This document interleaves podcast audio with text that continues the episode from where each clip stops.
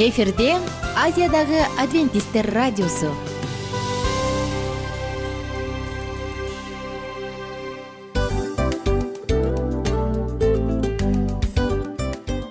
Достор салют. Баардык сүйүктүү угармандарыбызга салам айтабыз. Кутман күнүңүздөр менен. Ден соолук өмүрдүн булагы демекчи саламат саамы программасында баарыңыздарды көргөнүбүзгө абдан кубанычтабыз. Анда алгач амандашып өтөлү арбаңыздар деп. Ден соолугуңуздар кандай элибизде көбүнчө ден соолук кандай дегенде эле жакшы деп жооп беребиз э? ооруп турсак дагы жакшы дейбиз. Анан мен муну айтып ойлойт элем бул абдан сонун сөз депчи анткени бул жакшы деген үмүт да э баары жакшы болот баары сонун. Деп үмүттөнүп атып эле өзүбүздү өзүбүз дарылап коебуз. Анысы кандай? Сиздин дагы ден соолугуңуз жакшы беш деген үмүттөбүз чындыгында ден соолук бул өмүрдүн булагы деп бекеринен айтылган эмес деп ойлойм. Кыргыз элинде анткени эгерде ден соолук жок болсо анда адамдын жашоосунда калган баардык керектүү маңыздуу нерселер өзүнүн баалуулугун жоготуп коет. Ошондуктан ден соолук бул эң керектүү нерсе. Ооба туура айтасың кесиптешим. Чынында ден соолугуң жок бир эки үч күн ооруп калсаң эле э кандай болуп калат? Жашоодо көз каранды болуп каласың көп нерсеге жетишпей каласың көп нерсени кыла албай каласың жада калса эшикке дүкөнгө да чыга албай каласың. Туптуура анан ден соолук болсо демек биз биздин бактыбыз тотой деп койсок болот. Анда достор саламат саамы рубрикабызды баштайлы. Алдыда өзүңүзгө керектүү болгон сонун кеңештерди уга аласыздар. Мына ошондуктан биз менен бирге болуңуздар. Ал эми биз болсо милан жана айнура. Кеттик алга. Алга саламат саама ден соолуктун жарчысы. Саламат саама ден соолуктун ачкычы. Күн сайын сиз үчүн мыкты кеңештер сонун жаңылыктар кызыктуу фактылар биздин рубрикада.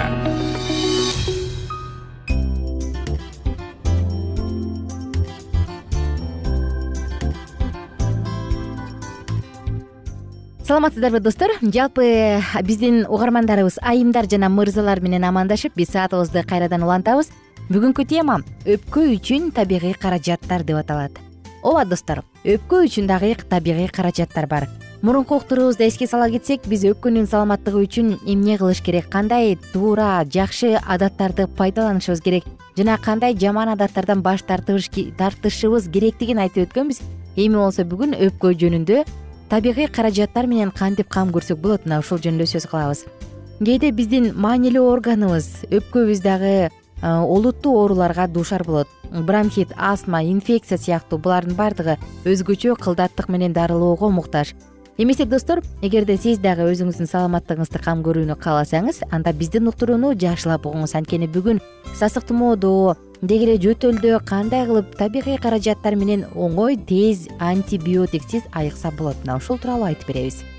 Эң эле кеңири таркалган Э, эффективдүү методдордун бири бул ысык пар менен ингаляция. Же болбосо ысык буу менен ингаляция жасоо. Негизи эле өпкө үчүн жылуулук жана нымдуулук эң сонун жакшы подарок белек. Мына ошондуктан буу ингаляциясын жасасаңыз анда өпкөңүз үчүн жакшы мыкты кам көргөн болосуз.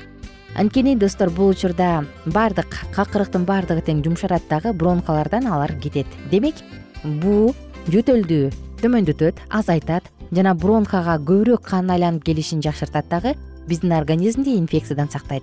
Ал үчүн эмне кылыш керек? Ысык кайнак идеалда бул эми мына мына кайнайын деп турган суу болуш керек бирок күйүп калбаңыз. Өтө ысык сууга жөн гана бир нече тамчы май куюңуз эвкалипт эссенциясын же болбосо пайдалуу чөптөрдү салыңыз дагы беш он мүнөткө чейин терең терең дем алып ингаляция жасаңыз андан кийин беттин пораларын жабыш үчүн муздак суу менен сүртүп койгонду унутпаңыз. Эгерде суу муздап калса кайрадан жылытып алып кайра дагы бир жолу жасаңыз. Күнүнө бир же эки жолу жасасаңыз жетиштүү. Өпкө үчүн дагы жасала турган сонун процедуралардын бири бул төшкө жасалуучу компресс. Тагыраак айтканда ысык сууну төшкө коюу анан мунун артынан муздак суу менен алмаштыруу. Суу болушунча ысык болуш керек колдон келишинче. Идеалда бул мына кайнайын деп турган суу болуш керек. Бирок абайлаңыз колуңузду дагы өпкөңүздү дагы төшүңүздү дагы күйгүзүп албаңыз. Бул ысык чүпүрөктү чүпүрөктү ысык сууга саласыз аны сыгып аласыз. Ага чейин болсо төшүңүзгө чыт материалдан кадимки эле жөнөкөй материалдан чүпүрөктөрдү коюп коесуз. Анын үстүнө сыгып алган полотенцаны коесуз. Ысык полотенцаны анан анын үстүнөн кургак ткань жаап коюшуңуз керек болот муну он он беш мүнөт жасайсыз улам муздап баратканда кайра ысык сууга салып сыгып алып турасыз. Анан мүмкүн болсо муну бир гана төшүңүздөн эмес артыңыздан өпкө тарапка дагы бассаңыз болот. Кабыргаларыңызга капталыңызга дагы бассаңыз жакшы жардам берет. Күнүнө эки үч жолу жасаган жетиштүү. Дагы бир кызыктуу жана шаңдуу процедуралардын бири бул чапкылоо. Чындыгында бул чапкылоо физикалык терапиянын катарындагы толуктайт. Анын негизги максаты пациентке баардык какырыктарды түкүрүп салууга жардам берүү же болбосо чыгарууга жардам берүү. Колдон келишинче муну буу ингаляциясынан кийин жасаган жакшы анткени какырык жумшарып калган болот оңой чыгат. Мына буну кандай кыласыз? Колуңуз менен пациентти төшүнөн өйдө карай акырындан акырындан чапкылап отурасыз. Кекиртекке чейин жана артынан дагы ушинтип артынан акырын акырындан өйдө карай чапкылап чапкылап чапкылап чыгарасыз. Анан пациент болсо какырыкты чыгарып сала алгандай абалда жатканы жакшы сизге жардам бере алгандай болсун. Ошондой эле достор пияздан ингаляцияны дагы жасаган пайдалуу. Пиязда учуп кетүүчү фитонциттер абдан көп баарыбызга маалым болгондой бул болсо биздин жөтөлүбүздү басуучу сонун каражат болуп саналат. Ошондуктан кадимки эле сууга пияздан салып коюңуз дагы ингаляция жасаңыз. Эгерде мүмкүн болсо дал ушул пияздан сироп дагы жасап алган жакшы. Анткени сироп дагы бизде дезинфекция кылып өпкөбүздүн саламаттыгы үчүн кам көрөт. Эгерде сиз пиязды сүйүүчүлөрдүн катарында болбосоңуз же балаңыз пиязды чийки жей албай калса анда аны сироп катары жасаңыз. Ал үчүн сизге бир эки баш пияз жетиштүү. Аны майда кусокторго туураңыз бөлүп андан кийин ага бештен сегиз аш кашыкка чейин бал кошуңуз дагы бир лимондун согун сыгып алыңыз булардын баардыгын аралаштырып сегиз сааттан он эки саатка чейин тундурма кылып коюп коесуз күнүнө эки үч аш кашыктан алты жолу кабыл алсаңыз жетиштүү. Ушул сыяктуу эле капустадан дагы сироп жасап ичкениңиз жакшы. Бул астмада бронхит пневмония сыяктуу ооруларда мыкты жардамчы. Ал үчүн жүз грамм капустага беш алты аш кашык бал кошосуз дагы анын баарын тең акырындан жылытып акырын күйгөн отто жылытып аралаштырып турасыз. Мунун баардыгын баягы аралаштырып кайнап бүткөндөн кийин эки үч аш кашыктан ар бир тамактанаар алдында жеп турасыз. Ага чейин муну муздаткычта сактаңыз. Дагы бир жөнөкөй эле кеңеш баардыгына жеткиликтүү кеңештердин бири чийки чеснок жеңиз. Чеснокто дагы учуучу фитонциттер көп.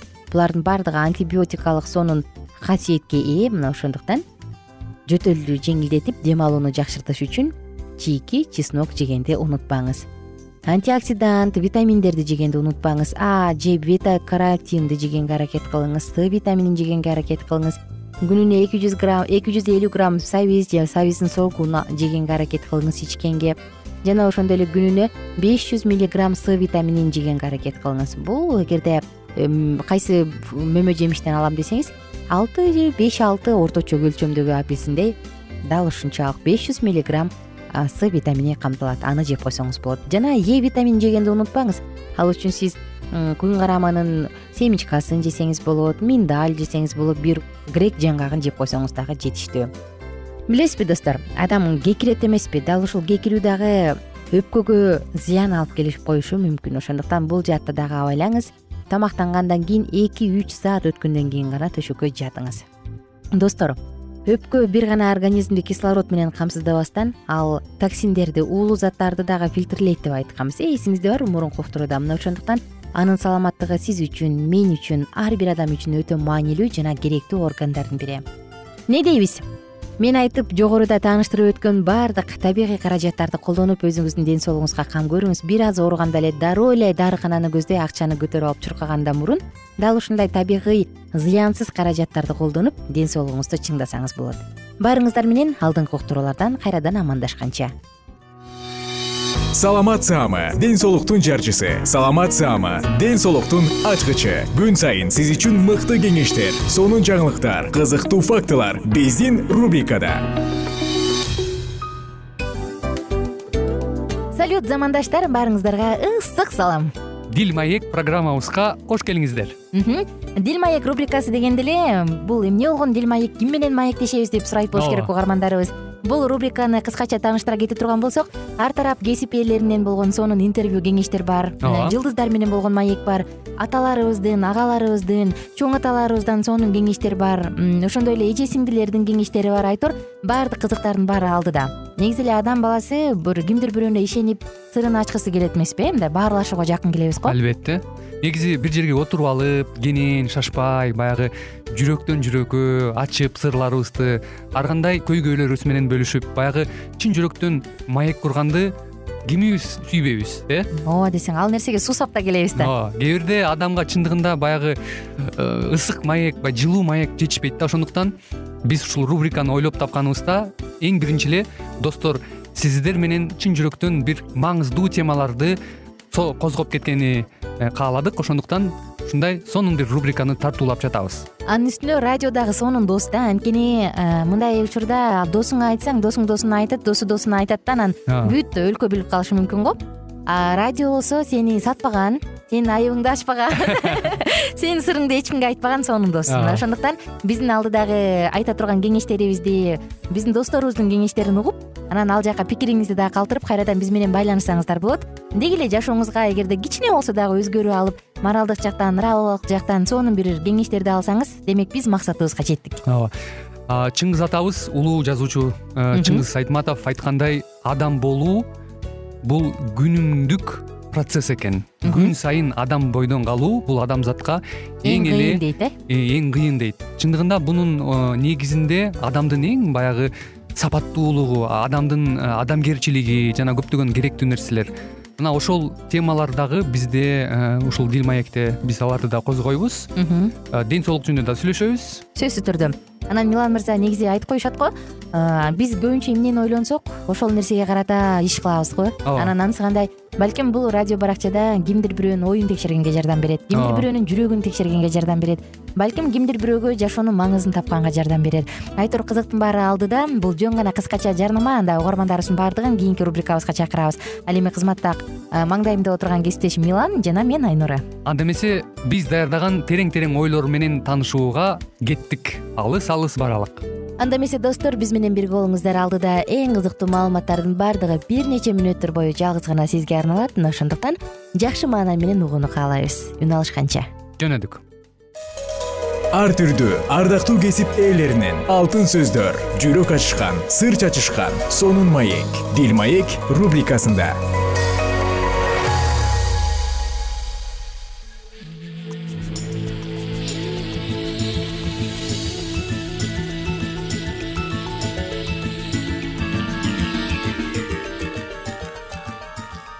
кутмандуу күнүңүздөр менен кымбаттуу радио угармандарыбыз кайрадан эле сиздердин назарыңыздарда бактылуу никенин баалоо эрежелери аттуу программабызды баштамакчыбыз. Кызматыңыздарда адаттагыдай эле мен улан жана ошондой эле кесиптешим. Жана мен асель саламатсыңарбы? Урматтуу угармандарыбыз бүгүнкү берүүбүздү биз темабыз менен тааныштырып өтсөк деги эле үй бүлө жаатында ата энеге карата болгон он насаат туурасында баяндап өтмөкчүбүз андыктан бүгүнкү берүүдө биз менен биргеликте болуңуз бир киши акылмандан келип минтип сураган экен. Менин балам төрөлгөнгө сегиз ай болуп калды. Балама тарбияны мен качан башташым керек деп сурайт. Акылман болсо ага минтип айткан экен. Сен бала тарбиялоодон кеч калыпсың. Бала тарбиялоо бала тарбиялоо деген эненин курсагынан башталат. Бала тарбиялоо деген эненин курсагынан башталат деген экен. Жана ошондой эле бала тарбиялап үлгүлүү ата эне болом дегендерге он насаатыбызды бөлүшүп өтөлү. Биринчиден өз балаңды өзүңдөй же сен каалагандай болот деп күтпө. Ага өз алдынча болууга жардам бериш керек экен. Андыктан урматтуу ата энелер баланы тарбиялоодо сөзсүз түрдө өз алдынча болууга шарт түзгөнгө аракет кылыңыздар.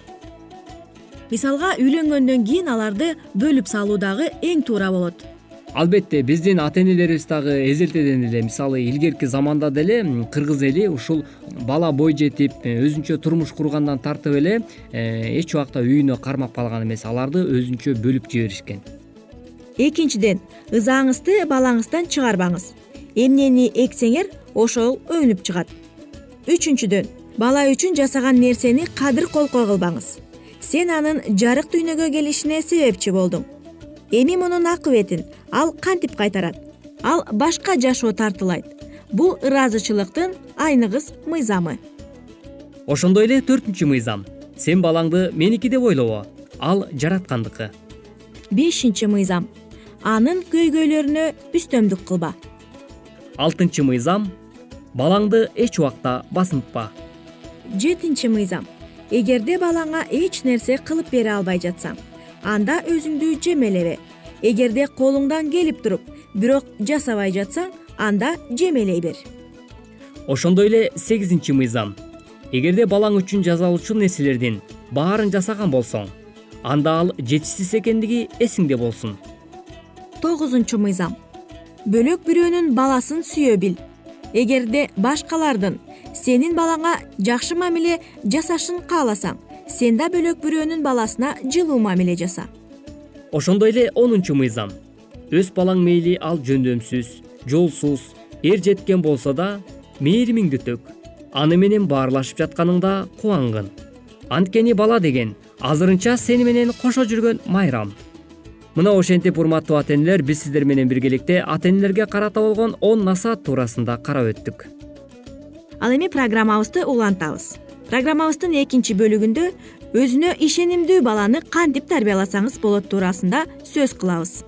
Адамдагы өзүнө ишенимдүүлүк наристе кезинен калыптанат жана буга түздөн түз ата эненин таасири тиет. Баласынын өзүнө ишенимдүү болуп чоңоюшун каалаган ата энелер төмөнкү пайдалуу кеңештерди эске сактоолору зарыл. Күн сайын балаңыз менен кошо кандайдыр бир көнүмүш иштерди жасаңыз күн сайын балаңыз менен кошо кандайдыр бир көнүмүш ишти жасаңыз. Күн сайын күн сайын белгилүү бир маалда. Кайталанган жумуштан улам бала өзүн коопсуз сезет. Мисалы эгерде балаңызга күн сайын сууга түшкөндөн кийин жомок окуп берип алдей ырын ырдап уктатсаңыз бала окуялардын өзгөрүшүнө даяр болот. Ал эми окуя кокусунан же баш аламан болсо бала тынчсызданып коркуу абалында болот балаңызды мүмкүн болушунча оюнга көбүрөөк алаксытыңыз. Дал ушул оюн аркылуу бала өзү жөнүндө айланасындагы адамдар жөнүндө билет. Оюн учурунда балдар кандайдыр бир маселени чечкенди үйрөнүшөт. Мисалы дивандын астынан топту алып чыгуу курчагын кийинтүү конструкторду чогултуу жана өзүнө өзү ишенимдүүлүгү өөрчүйт мисалы кнопкасын басып оюнчуктан музыка чыгарганда ал өзүнүн аракети менен бир нерсе кыла алаарын түшүнө баштайт. Кайсы бир маселени чечүүсүнө мүмкүнчүлүк түзүп бериңиз. Балаңыздын жардамын демилгесин эч качан четке какпаңыз эгерде бала бир нерсени жасай албай жатса чогуу талкуулап ойношуңузду колдонуңуз. Ал маселени чечүү жолдорунун бир нече ыкмаларын сунуштап бирок акыркы чечимди чыгарууну балаңыздын өзүнө коюңуз өз алдынча чечим чыгарууда балаңыз өз күчүнө ишеними өөрчүйт бир чечимге келген соң атүгүл өтөөсүнө чыга албай калса да аракет кылгандыгы үчүн мактоону унутпаңыз. Балаңызга милдеттерди жүктөңүз. Кандайдыр бир милдеттерди моюнга алуу менен бирге бала өзүн башкаларга керек сезип менин жардамымда кимдир бирөөгө муктаж экен деген ойдо болот. Муну менен бирге балада өзүнө ишенимдүүлүк жаралат. Позитивдүүлүк фразаларды гана колдонуңуз. Балага эч качан сен муну жасай албайсың сен буга татыктуу эмессиң. Атүгүл кыялданба бул реалдуулукка жатпайт деген сыяктуу фразаларды айтпаңыз. Мындай жокко чыгарууңуз менен сиз балаңыздын мүмкүнчүлүктөрүн тыйып келечекке өзүнүн максаттарына жетүүсүнө тоскоол болуп жатасыз. Андан көрө бул сенин колуңан келет сен көп нерсеге жөндөмдүүсүң сен таланттуусуң деген сыяктуу позитивдүү фразаларды көбүрөөк колдонуңуз. Урматтуу ата энелер мына ушундай нерселерди колдонуу менен биргеликте сиз дагы бүгүнкү учурда өзүңүздүн үй бүлөңүздө балдарыңызга карата татыктуу тарбия бергенге аракеттенип жатканыңыздан кабар берет экен андыктан бала тарбиялоо жаатында ар дайым сизди ийгилик коштой берсин деген тилек менен бизге бөлүнгөн убакыт дагы өз соңуна келип жетти. Бүгүнкү уктуруубузга назар салганыңыздар үчүн ыраазычылык билгизебиз. Кайрадан эле биз сиздер менен бактылуу никенин баалуу эрежелери аттуу программабыздан кезишкенче сак саламатта болуңуз. Ар түрдүү ардактуу кесип ээлеринен алтын сөздөр жүрөк ачышкан сыр чачышкан сонун маек дил маек рубрикасында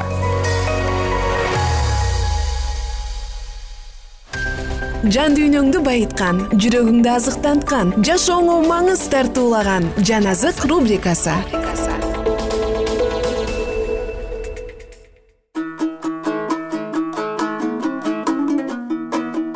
Саламатсыздарбы айымдар мырзалар биздин жалпы угармандарыбызга сагынычтуу салам. Жан азык рубрикасы старт алды жана бүгүнкү күндө кайрадан сиздер менен бирге куткарылуу тарыхы деп аталган сонун китепти улантабыз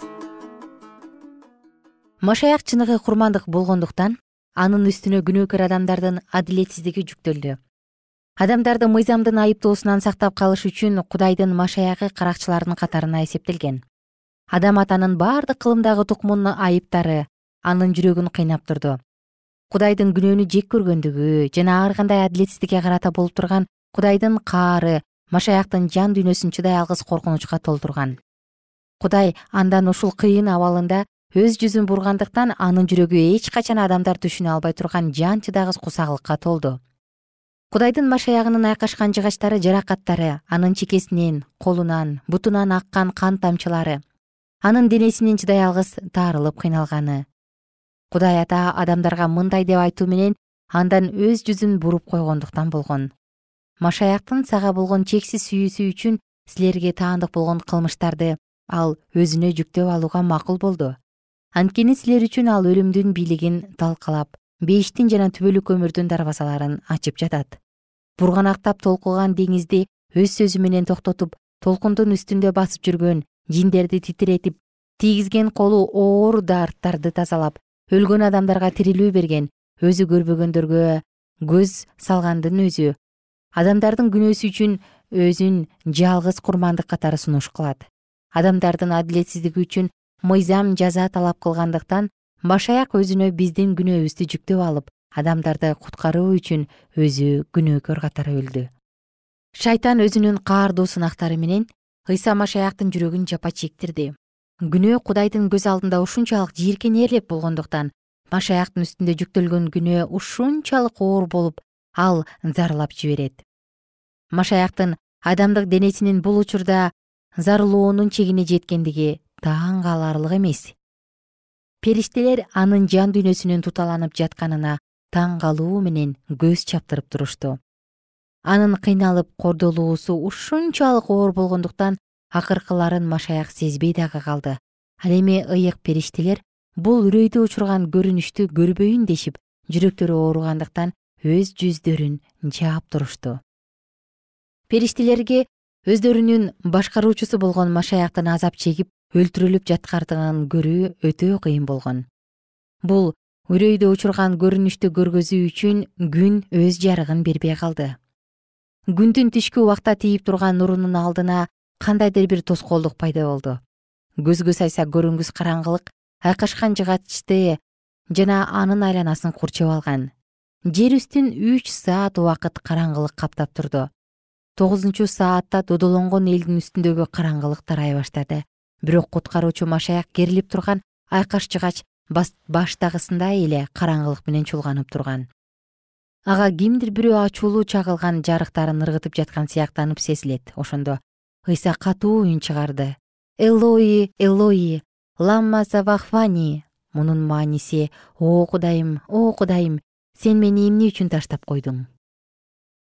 Аткарылды көрүп турган адамдар болуп жаткан нерсени аягына чейин эмне болорун карап турушту күн нуру кайрадан жаркырап тийип бирок айкаш жыгачтын тегерегиндеги караңгылык кеткен жок. Капысынан караңгы толук тарап машаяктын мындай деп айткан үнү жер үстүнө жаңыргандай болуп кетти. Аткарылды ата мен рухумду сага тапшырам айкашкан жыгачтын тегереги жарык болуп машаяктын жүзүнөн чыккан жарык күн нурундай жаркырады. Анан гана анын башы шылк этип жан берди ушул учурда кээ бир дин кызматчылар ибадатканада ыйыктардын ыйыгы бөлүмүнөн бөлүнүп турган ыйыктардын бөлүгүндө өз кызматтарын аткарып жатышкан. Капысынан алардын буту алдында жер титиреп кетти жана кымбат баалуу өтө бекем кездемеден жасалган ар жыл сайын которулуп турган көшөгө башынан этегине чейин балтасардын учурундагы белгисиз кол чыгып жазган сыяктанып белгисиз кол аркылуу айрылып тең экиге бөлүнүп калды ыйса машаяк өзү аткаруу үчүн келген иштин аягына чыгарып аткарылды деп айтканга чейин чындык үчүн күрөшүүнү токтоткон жок. Бул сөздү периштелер угушканда улуу кубанычка батышкан анткени бул адамдарды куткаруу иши аяктагандыгын билдирген.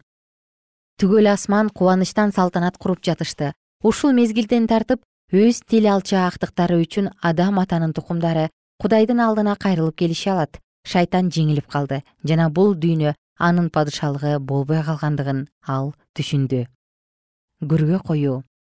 Жакан болсо өзүнүн сүйүктүү устатынын денесин кандай кылып көмө тургандыгы жөнүндө бушайман болду. Эгер анын денеси мерез жоокерлердин колдоруна тие турган болсо алар аны жаман жерге жашырышат деген ой аны капаланткан. Жүйүттөрдүн бийлик башындагыларга кайрылуунун кажети жок экендигин түшүнүп жакан пилаттын ырайымына гана таянды. Бирок ага жусуп жана никодим деген адамдар жардамга келишти жусуп менен никодим экөө тең синедриондун мүчөлөрү болушкандыктан пилат менен мамилелери жакшы болгон жана көпчүлүккө дагы кадырлуу эле. Бул адамдар ыйса машаякты татыктуу көмүүгө чечим кабыл алышты. Жусуп токтоосуздан пилатка барып андан ыйса машаяктын денесин жергилегенге уруксат сурап алат жана пилат ыйса машаяктын денесин көмүү үчүн жусупка уруксат кагаз жазып берет. Жакан капаланып турган мезгилде римофейлик жусуп уруксат кагаз алып келип калды жана ага пилаттын макулдугу болоорун билген никодим жүз литр смирна менен алой кошулган кымбат аралашманы ыйса машаякты майрам сууга алыш үчүн дайындап койгон. Иерусалимдин эң эле даражалуу адамдары дагы мынчалык даярдык менен кадырланып көрүүгө коюлган эмес. Алар ыйса машаякты айкашкан жыгачтан акырын түшүрүштү анын жараланып кордолгон денеси алардын көздөрүнө жаш толтуруп майрам сууда анын уюп калган канын калтырабастан тазалашат. Жусуптун асканын бооруна өзү үчүн дайындап кастырып койгон көрүстөнү бар эле. Ал голгофадан анчалык алыс эмес болчу. Эми болсо жусуп бул көрүстөндү ыйса машайык үчүн даярдады. Жана денени никодим алып келген жыпар жуттуу сууга салгандан кийин аны кепиндешип шакирттер денени табытка салып көтөрүшүп даярдалган жаңы көрүстөнгө алып келишти. Галилея жеринен келген аялдар өз устатынын жансыз денесин кандай кылып көргө коюп жатышкандыгын алыстан карап турушту денени көргө койгондон кийин машаяк жаткан көрүстөндүн оозуна чоң ташты тоголотуп келип бекитип коюшат. Бул карап турган аялдар көрүстөндүн жанында бир дагы адам калбай калгандан кийин гана кетишкен.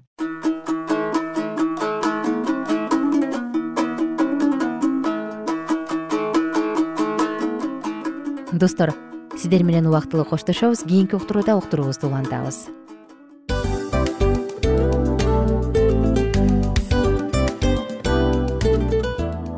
ушул менен достор программабыздын уктуруубуздун эң кайгылуу мөөнөтүнө келип жеттик. Кайгылуу дегенде ыйлагым келип кетти кесиптеш. Кадимкидей. Анткени баягы учурашасың анан коштошуу учур келгенде ии кантип ии эми бат баттан келиптир э сагындырбай деп атып араң коштошобуз го. Анысы кандай? Угармандарыбыз менен коштошчу учур келди. Кийинки уктурууларды сагыныч менен жүрөгүбүздө кусалык менен күтөбүз жалпыңыздарды анан жарым сааттык уктуруу көз ачышым канча өтүп кетти. Сөзсүз бирок бизде жакшы кабар бар. Кийинки уктурууларыбызда сөзсүз дагы кезигишебиз. Анткени биз көптөгөн сюрприздерди кызыктуу маалыматтарды жана керектүү керектүү нерселердин көпүнчөсүн даярдадык анда угармандарыбыздын баардыгына ийгиликтүү күн каалайбыз эгерде бүгүнкү күнүңүз өзгөчө э, өтүшүн кааласаңыз анда позитивдүү ой жүгүртүп жылмайып жакындарыңызга жакшы маанай тартуулап жүрө бериңиз анткени сөзсүз түрдө мунун арты кайтат э? Сөзсүз. Баягы ден соолугуңа оңолот ал бул деп көп нерсени санап келебиз. Эң негизгиси бул сиздин жашооңузду жаркын кыла түшөт экен. Жараткан кудай ар бирөөңүздөргө батасын берсин жашооңуз ийгиликтүү болсун сак саламатта калыңыздар деп мен милан жана кесиптешим айнура. Баардыгыңыздар менен кийинки уктурууда үн алышканча баарыңыздарга ийгилик каалайбыз